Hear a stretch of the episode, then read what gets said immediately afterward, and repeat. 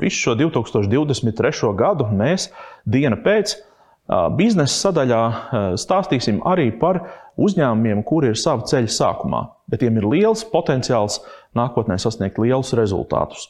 To mums palīdzēs izdarīt Latvijas Investīciju un attīstības aģentūra, kur padalīsies ar saviem inkubatoru uzņēmumiem. Tieši tāpēc Elvis no podkāsta uzņēmēja spēja ir ciemos pie mums, lai palīdzētu izvēlēties šos uzņēmumus. Sveiks! Sveiks! Šajā reizē es būšu mazliet slinkāks. Es ņemšu vienkārši tuvāko, kas man ir. To, kas te uzrunā pēc bildes.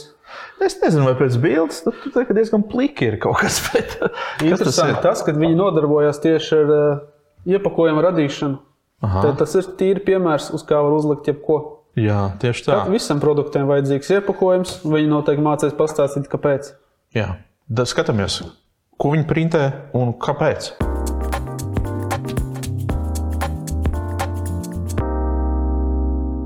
Man ir liels prieks, ka uh, es uh, satieku cilvēku, par kuru es esmu uh, dzirdējis, uh, par kuru kompāniju es esmu daudz ko dzirdējis. Tā vienmēr ir tāda laba satikšanās. Kā, nu, ir kaut kādas expectācijas, liekas, nu, um, um, jūsu veiksmes stāsts jau jūs ir pavadījis un tā tālāk. Um, inkubācija un, un tas līmenis, kurā jūs esat, nu, es to nesauktu vairs par inkubāciju. Tā jau jūs jau sen esat saka, piešķīlušies un, un jau ceļā devušies? Es neteiktu, ka mēs esam jau kaut kas ļoti liels. Mēs esam salīdzinoši tāpat nesen, mēs esam mazliet vairāk par diviem gadiem uh, savā reālajā darbībā. Un, uh, par inkubāciju varbūt mūs vairs nevar uh, saukt, bet uh, tāpat tās es teiktu, ka tas ir tas vēl pirmais. Streiķis, kurā, kurā mēs vēl joprojām ļoti daudz pielāgojam pašu produktu tam, kas ir vajadzīgs tirgū. Līdz ar to jā, nu mēs, es teiktu, ka mēs joprojām esam starta punktā.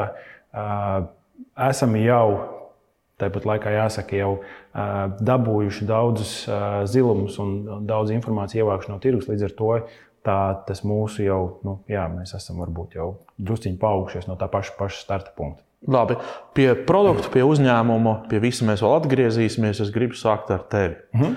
um, Kā tu nonāci līdz šim, šim biznesam? Es īstenībā par šo jautājumu diezgan daudz esmu griezis atpakaļ un domājis par to, vai kaut kas varētu būt bijis savādāk. Un, jo pirmos vairāk kā desmit gadus savas karjeras es biju korporatīvs cilvēks, kurš strādāja ilgotu darbu. Un, un tad dažādu apsvērumu dēļ es nonācu privātajā biznesā. Bet, uh, visticamāk, man ir jāatgriežas pavisam agrā bērnībā, Tā bija kaut kāda 6. vai 7. klase, ja nemaldos, kur uh, mūsu klases audzinātāja, ja nemaldos, tas bija pirms skolas beigām, pirms uh, pavasarī, laida pa klasi apkārt tās lapiņas, kur tu uzraksti kaut kādu lietu, un tu aizloki, un tad dod nākošajam, un tad tur veidojās kaut kādi tie, tie atbildes uz jautājumiem. Un, un, un, un tad man skolotāji pēc tam, ja nemaldos, tas bija 9. klases beigās, man uzdāvināja izlaidumā to, to lapiņu. Un tur bija, rakst, bija jautājums, viens no jautājumiem bija, kas tu gribētu būt. Un tā bija 6. un 7. klases, bija uzrakstījis biznesmenis. Mhm. Nezinu, no kurienes man tēvs ir galvenais, mamma ir bērnu audzinātāja. Nebija man apkārt īsti arī kaut kādas tiksim, auditorijas, no kuras varētu varbūt smelties. Bet tas, ko es šobrīd skatos ar šodienas tādu perspektīvu, acīm redzot, kaut kas manī bija, kaut kāds iekšējais impulss kas uz to nu, vedināja jau tajā vecumā. Parasti tā ir nauda tajā vecumā, kas interesē. Liekas, Jā, ka nauda ir arī kaut kādas jautājumiem. Kaut kādas varbūt arī tās profesijas, kas bija ugunsdzēsēji, policisti, kas varbūt liekas tādi savēdi etaloni tajā, tajā bērnības laikā. Bet, jā, un es pat īsti godīgi sakot, nevaru izskaidrot, kāpēc, kāpēc es uzrakstīju to, ko es uzrakstīju tajā, tajā vecumā. Bet man gribās teikt, ka tas ir kaut kāds pirmsākums manai tādai iekšējai vēlmei vai dzinulim attiecībā uz šo te uzņēmumu. To par zemapziņu varbūt pat vēl, ja, kurā tas jā. izpaudās. Jā. Vai tu savu izglītību saistīji ar uzņēmējdarbību? Nē, tur tā lieta. Un turpinot to stāstu, uh, nāca vidusskola. Vidusskolas beigās uh, bija ļoti maz izpratnes par to, ko es gribu darīt. Bija ļoti daudz nezināmo. Mans tēvs ar, ar savu brāli mani ļoti izteikti virzīja inženierzinātnes virzienā, kam es beigās arī pakļāvos. Man paša kaut kāda vēlme varbūt bija iet uz vadības zinībām un, un ekonomiku, kas tajā laikā, reiķis bija 2000. gadu sākums, bija ļoti plaši apmeklēta teiksim, šīs te fakultātes. Tur bija ļoti liels konkurss. Ļoti liels konkurss, tas viens, un līdz ar to pēc tam ir ļoti liels piedāvājums darba tirgu. Mm -hmm. Un tā viņu teiksim, tā argumentācija bija tāda, ka, ko tu darīsi, tādi ir vēl simtiem, un, un tās pozīcijas uz, uz, uz tādu veidu amatiem nav, nav tik daudz. Un, Es pie, kā, paklausīju un, un, un devos uz šo te, Rīgas Tehnisko universitāti, mašīnu zinību fakultāti, kas šķietam, jā, perspektīvas tiksim, tā, virziens, kur pilnīgi noteikti tev būs darbs, atalgojums un tas, ko jebkurš vecāks novēl saviem bērniem. Īpaši tie, tie, tie laiki, kas ir tomēr jau, nu, varbūt jau desmit gadi pēc padomju periods, bet tomēr tas, tas, tas viss bija diezgan aktuāli. Un, un, un, līdz ar to es aizgāju jā, uz šo te tehnisko universitāti un, un studēju mašīnu zinības.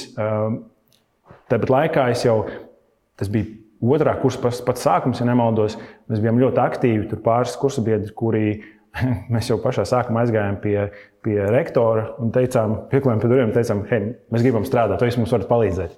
Viņam bija liels acis, bet viņš bija tik pār, patīk, patīkami pārsteigts par to mūsu iniciatīvu, nu, tādu uzdrīz, uzdrīkstēšanos.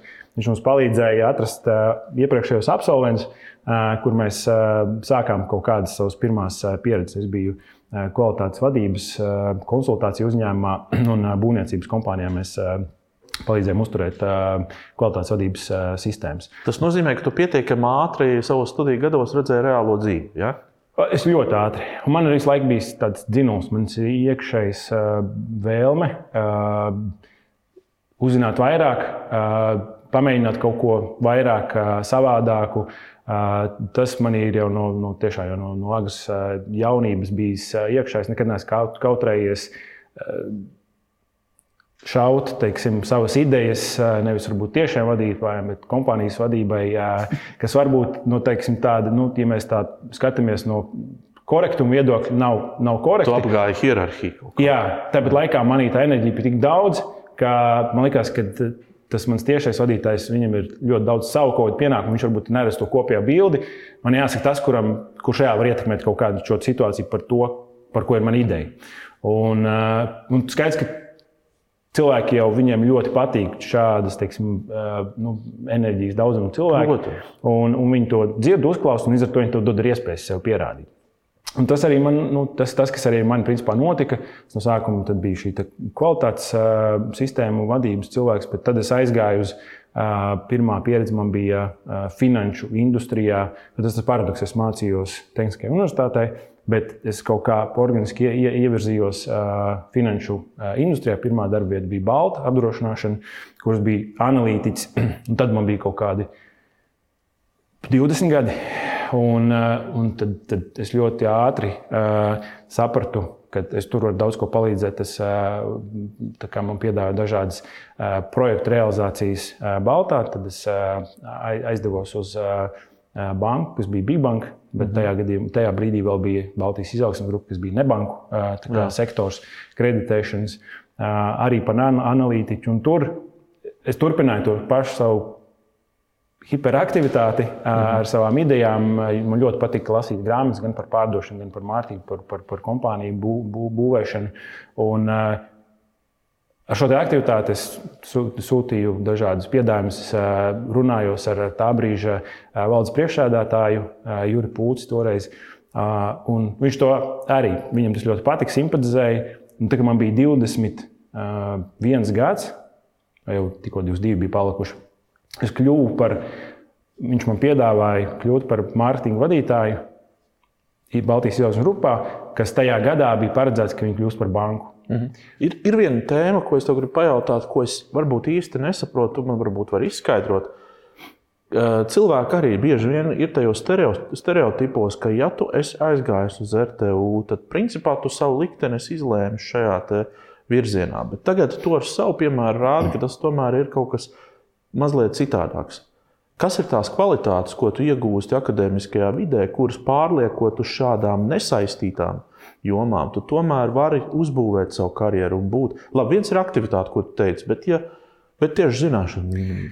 Es īstenībā, pirms es atbildēšu šo jautājumu, es labprāt vispār, teiksim, mana vīzija par studijām un par akadēmisko tādu mm -hmm. teiksim, zināšanu ieguvi ir tāda, ka, manuprāt, būtu jābūt tā, ka tu teiksim, pēc vidusskolas pabeigšanas tev tiek dots gads, divi, kurā tu vari izmēģināt strādāt visdažādākās profesijas, un tev pat ir kaut kādā veidā teiksim, sakombinēts dažādas lietas, ko darīt lai tu nonāc tuvāk pie tās izpratnes, ko tu gribi darīt savā dzīvē. Jo tas lielākais challenge, izaicinājums ir tajā, ka tu tajā vecumā, ja tevi tiešām neesi kaut kādā veidā apzināti virzīts un jau teiksim, da, saņēmis daudz pieredzi līdz tās vidusskolas beigām, tad ļoti grūti saprast, kas ir tas, kas būs tavējais. Un, tāpēc tā pieredze, manuprāt, ir ļoti būtiska tieši darba darīšanas pieredze, lai tu saprastu, ok, šis ir tas virziens, kurā man patīk. Atbildot uz tavu jautājumu, lai arī ko tu būtu izvēlējies akadēmiski, tev vienmēr tāpat ir, nu, ir jāmēģina paņemt maksimums no tās konkrētās izglītības, kuru tu iegūsti. Un manā gadījumā es nevienu brīdi patiesībā nenožēloju, ka es esmu gājis tehniskajā, eksaktajā virzienā, tāpēc ka tā ir racionalitāte, tā ir matemātika, fizika, kas ir patiesībā ir ļoti tāds nu, tāds uh, stabils fundaments, pamats, fundaments jā, mm. vispār mūsu tādai domāšanai un spējai pieņemt lēmumus analītiski un, un izprast kaut kādas lietas. Tā kā es teorētiski aizgāju to virzienu, kas nebija varbūt mana tādas, tāda sajūta, bet nonāksim vēl līdz printam, kaut savā veidā atgriezos. Uh, es ļoti daudz šīs zināšanas varēju izmantot arī šajā finanšu uh, sfērā. Un, tā, tā izglītība tas ir vairāk tāds pamats tavai spējai domāt, spējai mācīties, jo tāpēc darbā tev ļoti daudz lietas jāmācās no mm, jauna. Mm, tas, ko es minēju, kad es kļuvu par mārketinga vadītāju 22 gados, vispār bez izglītības, bez pieredzes šajā jomā, tie bija ļoti garas dienas, no ļoti agriem rītiem līdz naktī pavadīt birojā. Bet Es tajos pusotra gada laikā, es domāju, ka es pabeidzu divas universitātes. un, un tas ir tas būtiskais, ka tās mācības jau nebeidzās nekad. Tieši tā. Tas, tas, tā, tā, tā skola ir tas sākums, kurā tu, nu, teiksim, tu ieliec tādus pamatus, kur tev ir akadēmiskais spēks, kurš zina. Tā vismaz būtu jābūt, ka viņi teiksim, zina, kā vislabāk iedot tev to pamatu informāciju, pamatu zināšanas, kaut kādā virzienā, ko tu izvēlējies. Bet tas nebūtu nenozīmē, ka tev ar to no, tur noteikti ir jāpaliek. Un, uh, Es esmu arī, manuprāt, tāds izteicis piemērs tam, kad ir jāklausa sev, tai savai sajūtai. Jo ātrāk spēs viņā ieklausīties, jo ātrāk viņš sāks darīt lietas, kas tev, kuras tu dari ne tikai naudas dēļ, bet tu dari tāpēc, ka tev viņas tiešām patīk. Un tā ir tava sava veida misija. Labi. Daudz cilvēku ir teikuši, ka korporatīvā vide ļoti ievelk sevī. Kāpēc? Tāpēc, ka tā ir ērta, tā ir prognozējama, paredzama. Un kāpēc tu tomēr varētu teikt, ka tavu sapni par uzņēmējdarbību viņi nenoslāpēja? Zinām, mēs sevi iepazīstam dzīves laikā, es domāju, katru gadu ar vien vairāk. Nu, tiksim, un arī man bija tas pats, es tajā korporatīvā vidē jutos no vienas puses labi, tā izaugsme bija ļoti strauja.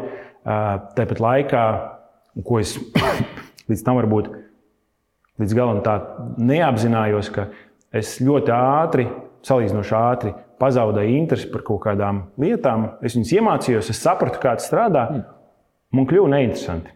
Un man vajadzēja nākošo kaut kādu pakāpienu, lai man tas challenge, tas, tas izaicinājums turpinātu kā, uh, izaicināt mani, lai man būtu interesanti. Un, uh, un tad es sapratu to, ka es pirmkārt neesmu piemērots. Tā bija pirmā lieta, ko es varbūt priekš šeit identificēju, ka es neesmu piemērots kompānijām, kuras ir stabili augošas, lēnām, kur tev ir jāuztur kaut kas un, un vienkārši jānodrošina, ka viņš turpina darboties. 5-7% gadā nelabi. Jā, ja? jā. Tā, tā bija tā pirmā man priekš sevis izpratne. Un, un, un tad nākošais bija, bija, bija tas, ka, jā, ka man dara kompānijas, kuras strauji aug. Bet tad es arī vairāk arī sapratu to, ka jo es vairāk manī pat, nu, no dabas ir tāda vēlme arī pēc riska. Un, ja tu esi korporatīvā vidē, tu tāpat visu laiku esi komfortā. Ok, tev ir risks, ka tevi nezinu, var atlaist vai tur kompānija beidz savu darbību, bet mūsu attīstītajā sabiedrībā un teiksim, sociālajā sistēmā, tu tāpat esi ļoti pasargāts patiesībā. Un, un tas man atkal varbūt nespieda manas robežas pietiekoši tālu, lai tas būtu pietiekami izaicinoši. Un, līdz ar to es vienmēr esmu meklējis kaut kādus izaicinājumus, kas būs nākošais, kas manī izaicinās, kas ir kaut kas tāds, kas manī izpleš manu komforta zonu vairāk, kā, kā viņi ir šobrīd. Tad mēs varētu teikt, ka biznesa ir ļoti pareiza vieta, jo tur izaicinājumi ir katru dienu. Tu katru dienu lec ar gumiju un ar izpletni Jā.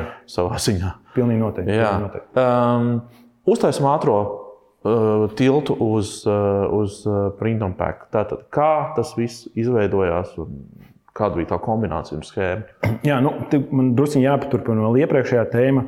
Tas mana karjeras dinamika bija tāda, ka es tad, tad man beidzamā darbība finanšu uh, sfērā bija. Uh, es biju uh, līdzdalībnieks, līdz, līdz dibinātājs uh, Alfa Finance grupā, kas bija finanšu uh, tehnoloģiju kompānija. Un tur man paveicās ar, ar maniem partneriem, kuriem tas skatījums bija pietiekoši globāls. Mēs pieņēmām lēmumu jau no pirmās dienas patiesībā mērķiet uz citiem tirgiem. Mēs atvērām tirgus Polijā, Grūzijā, tad mēs pieņēmām lēmumu doties uz Āziju, kur šis te, šī te biznesa kā produkts kā tāds bija mazāk attīstīts tajā galā. Un, es nodzīvoju Indonēzijā, Malaisijā trīs gadus.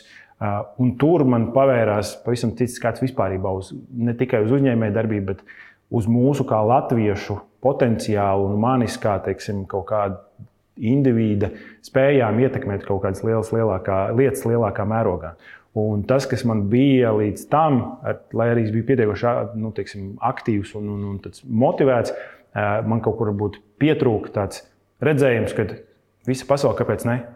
Mans, tas, tas mans kaut kāds redzējums varbūt apstājās pie nu, Baltija, Polija, jā, tas jau būtu jau forši. Teiksim. Skandināvija. Jā, un, tu, un tiklīdz tu aizbrauc uh, uz pasaules otru galdu, saproti, ka patiesībā jau jā, mainās kultūra, ir ļoti sarežģīti pielāgoties pavisam citai kultūrai, uh, kā biznesa tiek veidots uh, šādā kultūrā. Bet saproti, ka īstenībā tas viss ir iespējams. Neiespējams tas nav. Jā, jā, tieši tā. Un tas ļoti pamainīja man vispār tādu redzējumu uz pasauli. Un tad, kad es vēl dzīvoju tur, Tad uh, man, man uh, paziņa, uh, viņš studēja Zviedru augstskolā. Un, viņš bija atbraucis, viņiem bija apmaiņas brauciens uz, uz Singapūru. Un, uh, viņš uzrakstīja, ka viņš ir uh, Singapūrā, kad iedzeram kafiju. Un es tad uh, dzīvoju Malaisijā, kas ļoti tuvu. Viņiem bija arī daļa uh, no tā moduļa uh, Malaisijā. Mm -hmm. Mēs satikāmies. Tas laikam kaut kāds tāds. Mm -hmm. Jā, un tad mēs satikāmies uz, uz kafiju. Viņš sāk stāstīt par viņu par, par industriju. Viņš bija kādreiz iepakojumu ražot, pie ražotāja strādāja. Viņš stāstīja par to problēmu, kāda ir klientiem pasūtīt vispār iepakojumu, izvēlēties iepakojumu ražotāju. Un tas bija tas brīdis, kurā es sapratu, ka tur ir problēma. Tā, tā, tā, tā, tā, tā, tiksim, tā problēma tika identificēta no, no mana līdzdibinātāja arī puses. Un mēs vienkārši pieņēmām lēmumu tur, Malaisijā, par to, ka ok, darām. Kā tas ir? Ka tu nevis esi idejas radītājs, bet tu viņu dzirdi un tad iededzies par viņu. Jo viens ir skaidrs, ka, ko mēs paskatīsimies, ir visus lielākos piemērus, varbūt izņemot Teslu, kur tomēr Tesla nebija paša Ilona Maska ideja. Viņš bija daļa no komandas, bet arī kļuva ļoti ātri par pārņēmu šo tēmu. Kā tu redzi šī te, nu, dzīvotspēja, ilgspēja? Tu vari pavilkties uz citu ideju tikpat aktīvi, kā tā būtu, ja tā būtu tava ideja. Es domāju, pilnīgi noteikti. Un es domāju, ka es esmu ļoti spilgts piemērs arī tam. Un, uh, Facebook, uh, mm -hmm. piemērs no lielajiem, ja mēs runājam, uh, un arī ir, ir citi piemēri. Svarīgi ir tas, ka pašam saprast, vai tas teiksim, tā biznesa ideja iet kopā ar tavām vērtībām. Yeah. Un manā gadījumā tas pilnīgi noteikti tā bija. Iepakojums ir pirmkārt milzīga industrija, un, ja tā industrija ir nesakārtota, tad tas jau ir pirmais izaicinājums viņu sakārtot un padarīt caurspīdīgu, kas ļoti daudziem ražotājiem, jo šobrīd tas iegūms ir tieši lieliem ražotājiem, kuri pasūta lielā apjomā. Viņiem tā cena par vienību daudz izdevīgāka, viņiem daudz vieglāk ir atrast konkrētu ražotāju, kas ir piemēroti. Un mazie ražotāji tie, kas visvairāk cieši. mazie un vidējie.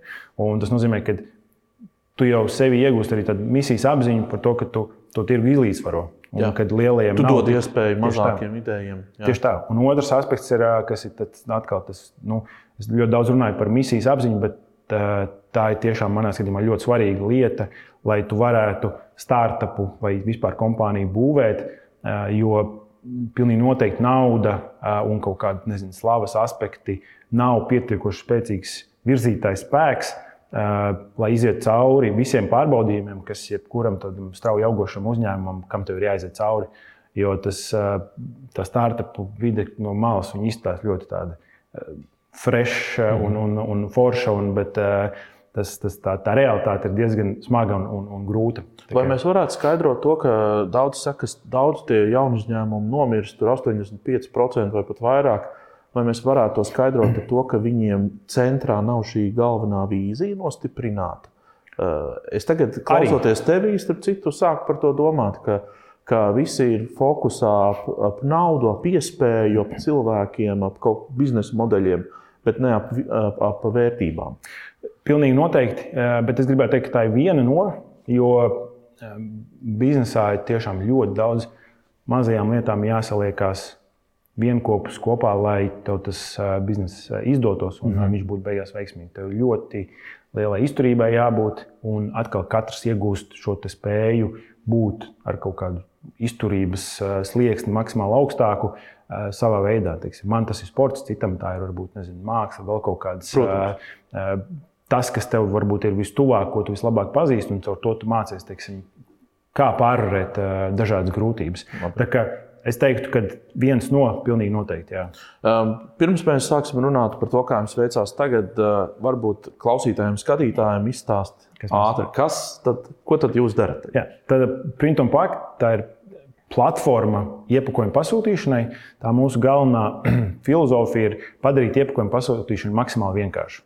Un tas, ko mēs darām, mēs savedam kopā produktu ražotājus, pieņemsim kafijas ražotāju, kurš piemēram, Rīgā vai vienalga Amsterdamā, ar piemērotāko iepakojumu ražotāju šeit kafijai. Un tas, ko mēs darām, mēs tev zinot, kas ir tavs produkts. Mēs zinām, kāds tev materiāls tavam produktam būtu vajadzīgs, jo kafijai un kečupam ir atšķirīgi materiāli, kādi ir jāizmanto, tāpēc ka viņiem ir dažāda šī produkta vide, kurā ķīmiski iedarbojas dažādi uz iepakojumu. Un tas nozīmē, ka tev, kā produktu ražotājiem, ir jāizvēlās piemērot šis iepakojuma materiāls. Tad tas ir viens materiāls, otrs ir pats iepakojuma veids. Nākošais ir jāsaprot, kāds ir tavs apjoms, ko tu šobrīd vēlēsies pasūtīt. Pie šāda apjoma tad atkal, jo tev attiecīgi mainoties apjomam, tev mainās ražotājs, kurš tev ir piemērotāks.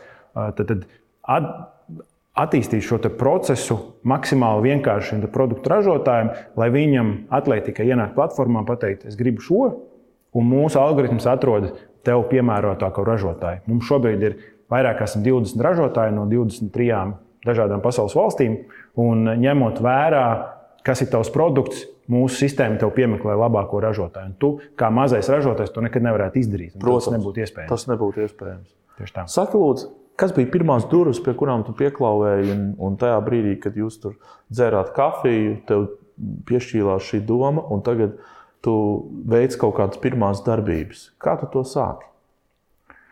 Mēs sākām paši patiesībā ar pašas idejas, teiksim, biznesa plāna aprakstīšanu un salikšanu kopā, kas ir pirmās lietas, kas jādara, kas ir nepieciešams, lai šādu platformu uzbūvētu. Tad viņi sastāv no divām pusēm. Mēs esam business to business, kas nozīmē, ka mums vienā pusē ir iepakojuma ražotāji, otrā pusē mums ir produktu ražotāji.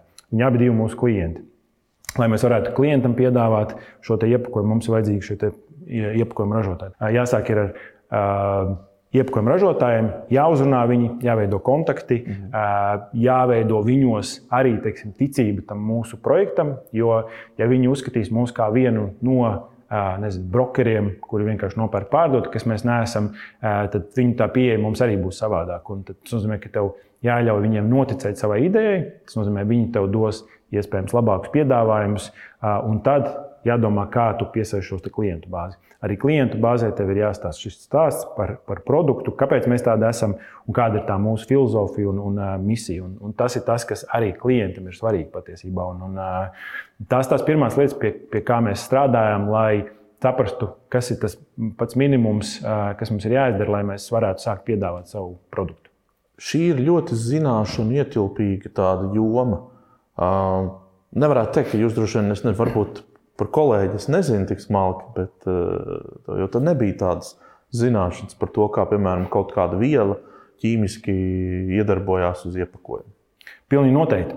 Un vēl joprojām viņas tās zināšanas ir ļoti limitētas, jo ļoti pareizi pateici, ka tā iepakojuma industrija ir tik milzīga un kompleksa patiesībā, un šobrīd ar visu šo ilgspējas nepieciešamību tiek kā, izgudroti jauni materiāli, un tā, tā industrija visu laiku papildinās ar dažādām inovācijām, kas, kas tavu to zināšanu vajadzību palielina ar vien vairāk un vairāk. Un, bet tā labā lieta ir tāda, ka mēs jau savā komandā arī varam ņemt cilvēkus, kuriem ir šīs padziļinātās zināšanas. Mēs varam konsultēties ar cilvēkiem, kuri mums palīdz un mūsu klientiem palīdz piemeklēt labākos risinājumus. Mums jau arī ražotāji ir kā sava veida zināšanu bāze. Viņi labprāt dalās ar savām inovācijām, un tas ir tas platformas kā tādas, šis burvīgais aspekts, ka Mēs neesam ieinteresēti nevienu konkrētu ražotāju promotēšanā vai, vai viņu produktu pārdošanā. To izlems uh, klients. klients. Mūsu uzdevums ir padarīt šo tirgu maksimāli caurspīdīgu un informāciju maksimāli vienkārši saprotamu gala klientam. Līdz ar to mēs esam kā tāds uh, tulks no ražotāja tehniskās valodas uz klienta. Man lūdzu sarkanu, mazliet matētu paciņu manai kafijai.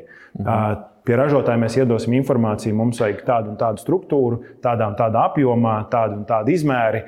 Mēs viņam šo informāciju nododam online vidē, kā, kā, principā, kā kodu. Labi. Un... Pastāst par biznesa modeli. Ko tas nozīmē? Vai tas nozīmē, ka es atnāku vienreiz pie tevis, tu man labi izdari darbu, un kādās situācijās pie tevis atgriežos, tad, kad man ir kaut kāda nākamā partija vai kaut kāds jauns dizains? Vai... Tad, tad, tas biznesa modelis ir tāds, ka tu tiešajā kontaktā ar ražotāju nemaz nenonāc. Mēs tev apkalpojam pilnībā kā platformu, un tu lielāko daļu jau darījumos pat nezini, kas ir ražotājs. Mēs uzņemamies to savu uh, zināšanu bāzi pie sevīm, Un mēs tev nu, piegādājam šo produktu. Un, attiecīgi, tev pat nav jāstraucās. Tu no trim, četriem piedāvājumiem izvēlēsies to, kas tev uh, vēlamākais. No tu zini, tas nāk, tas tu zini pat no kura reģiona tas nāk, jo ir klienti, kuriem tas ir svarīgi. Teiksim, kuri nevēlas no Āzijas vai nevēlas no kāda konkrēta reģiona, vai viņi vēlās no savas valsts. Mm. Viņiem ir tiesības izvēlēties, bet viņiem nav nepieciešams komunicēt ar ražotājiem. Tas, tas ko mēs gribam atvieglot. viņam nav jākomunicē pa tiešo, jo katrs ražotājs Iedomājieties, tās 23 valstis, tas ir Āzija, Tuvija Austrumi, Eiropa, NVS valstis. Katrā valstī ir savādāka mentalitāte. Katrs ražotājs komunicē savādāk. Un, attiecīgi, pat tad, ja, ir, ja mēs būtu kā kaleidoskops, kur tev vienkārši informācija ir, kurš šis, šis, šis ražotājs, tev ar katru jākomunicē savādāk. Mēs šo visu informāciju novienkāršojam, tev atnāk viens piedāvājums, Trīs dažādi ražotāji, vienādi salīdzināt ar gala cenām, ar visu transportu, ar muitām. Ļoti labi. Šobrīd pat ar CO2 teiksim, kalkulāciju, cik tev ir katrs no ražotājiem, ir, mm. kāda ir tā ietekme uz vidi. Padarīt to ļoti caurspīdīgi, tā ir tā mūsu galvenā misija. Labi. Um, mani uh, mazliet pulsina ieeja tirgu, jo Protams, ka tu pats arī minēji, ka tas primārais klients tomēr ir mazāks vidēji līmeņa uzņēmējs. Un tik sīk un smalki sadalīties un klauvēt pie visām durvīm, tas izklausās diezgan nereāli uh, mērogojams bizness. Uh, nu, te man ir mazliet jāatkāpjas pie tā masas un vidējas, jo pēc Eiropas standartiem vidējais uzņēmums sākās no 50 miljonu apgrozījuma. Jā, 20 plus vai nu jā, jā, Līdz ar to tas mūsu mērķis ir kompānijas, tiks, mūsu mērķis klients ir no pusmiljona līdz 20 miljonu apgrozījumam, kas uh, tāpatās ir pietiekoši jau reasonable izmēra klients, un pie viņiem tu īstenībā vari atļauties arī. Un tas, tas, ko mēs varbūt sākumā viena no mūsu kļūdām, ka mēs tieši to nedarījām. Mēs, uh, Tad, tad, kā, tad teiksim, tas startup vajadzība ir, ka tev ir jā, jāaug ļoti strauji, tev jābūvē biznesa, kurš ir skēloja, nu, ātri augošs. Un tad, jebkuras šīs manuālās darbības, tās, kas, ko tu mēģini no, mēģini no viņiem izvairīties. Bet pēc cik mēs būvējam kaut ko, kas īstenībā nav uzbūvēts, tad mums Nav variantu. Mums ir jāiet, jāiet pie klienta, jāiepazīst, kas ir viņa problēmas. Tas ir tas, kā mēs būvējam to produktu. Mēs no tā, ka teiksim, mēs tev palīdzam atrast labāko ražotāju. Šobrīd jau esam patiesībā nonākuši līdz tam, kad mēs tev palīdzam izveidot dizainu, mēs tev palīdzam atrisināt šo ražošanu, uzraudzīt ražošanu, pēc tam piegādāt tev. Un šobrīd mēs pat sākam piedāvāt noliktos pakalpojumus. Piemēram, nezinu, Holandē tu ražo savu kafiju, tavs iepakojums, tu pasūti viņu lielā apjomā, tāpēc, ka pasūtot lielā apjomā, tu, tu saņem neved nemaz uz Latviju. Tu, viņš, ne, viņš viņu neved, viņš viņu ne, ne, neved uz Holandi, bet viņš, viņu, viņš ah. stāv Latvijā, ah. bet mūsu sistēma saslēdzās ar šī te, uh, kafijas ražotāja mm. sistēmu. Mēs redzam, cik viņi katru mēnesi katru no šiem ah. produktiem ir saražojuši. Mēs viņiem mēneša sākumā piegādājam tikai to, kas viņiem ir nepieciešams nākamajam mēnesim. Viņiem par iepakojumu vairs nav jādomā vispār. Perfekt. Mēs viņiem atrisinām pilnībā visu, kas ir saistīts ar iepakojumu. Un, bet nonākt šajā līmenī mēs varam tikai tad, ja mēs braucam pie klienta, mēs redzam, kā viņi ražo, mēs runājam ar viņiem. Attiecīgi, mēs darām šīs manuālās lietas, kas it kā nav skalojams. Bet bez šīm lietām tu nevari uzbūvēt pašu produktu. Un tas ir tas, ko mēs ļoti daudz darām. Tāpēc šī klauvēšana patiesībā ļoti, nu, ir ļoti attaisnojama, lai mēs varētu uzbūvēt produktu, kurš ir vajadzīgs klientam, nevis produktu, kur liekas, ka mums, ka mums liekas, ka klientam viņu vajag. vajag. Jā, jā, jā, jā. Kas tev ir vajadzīgs, lai tu iekāptu lielākās kurpēs? Īstenībā turpināt darīt to, ko mēs darām. Mēs, mēs, Finansējums jums ir, resursi ir, viss ir pietiekami. Finansējums nekad nepietiek. Bet tas ir tāds mūžīgais process, kurā tu, tu parādi rezultātu, piesaisti nākošo finansējumu. Līdz ar to Mēs ejam pareizā ceļā šobrīd. Mēs arvien vairāk attīstām šo produktu. Mums, kļūst, mums pie mums nāk arvien vairāk klientu, mūsu apgrozījums aug. Līdz ar to mēs parādām investoriem, ka mēs spējam turpināt attīstīties. Un, un tas ir galvenais, kas mums principā ir jādara. Līdz ar to turpināt šo produktu attīstīt. Un tas, tā mana vēlme ir tāda, ka jā, tas, ko es minēju, kad klients no brīža, kad viņš atnāk pie mums, viņš var principā aizmirst par iepakojumu kā tādu. Mēs viņam spējam nosarusēt no punkta paša sākuma punkta, kur ir ideja par iepakojumu, līdz tam, kad tu ražo pie mums piecus gadus, un tu pat īsti neesi ar mums komunicējis, ka sistēma pati spēja to, to visu atrisināt. Eleganti. Es tev novēlu daudz izdošanos un veiksmes. Arī veiksme ir vajadzīga biznesā. Man bija ļoti liels prieks iepazīties ar tevi. Paldies! Liels.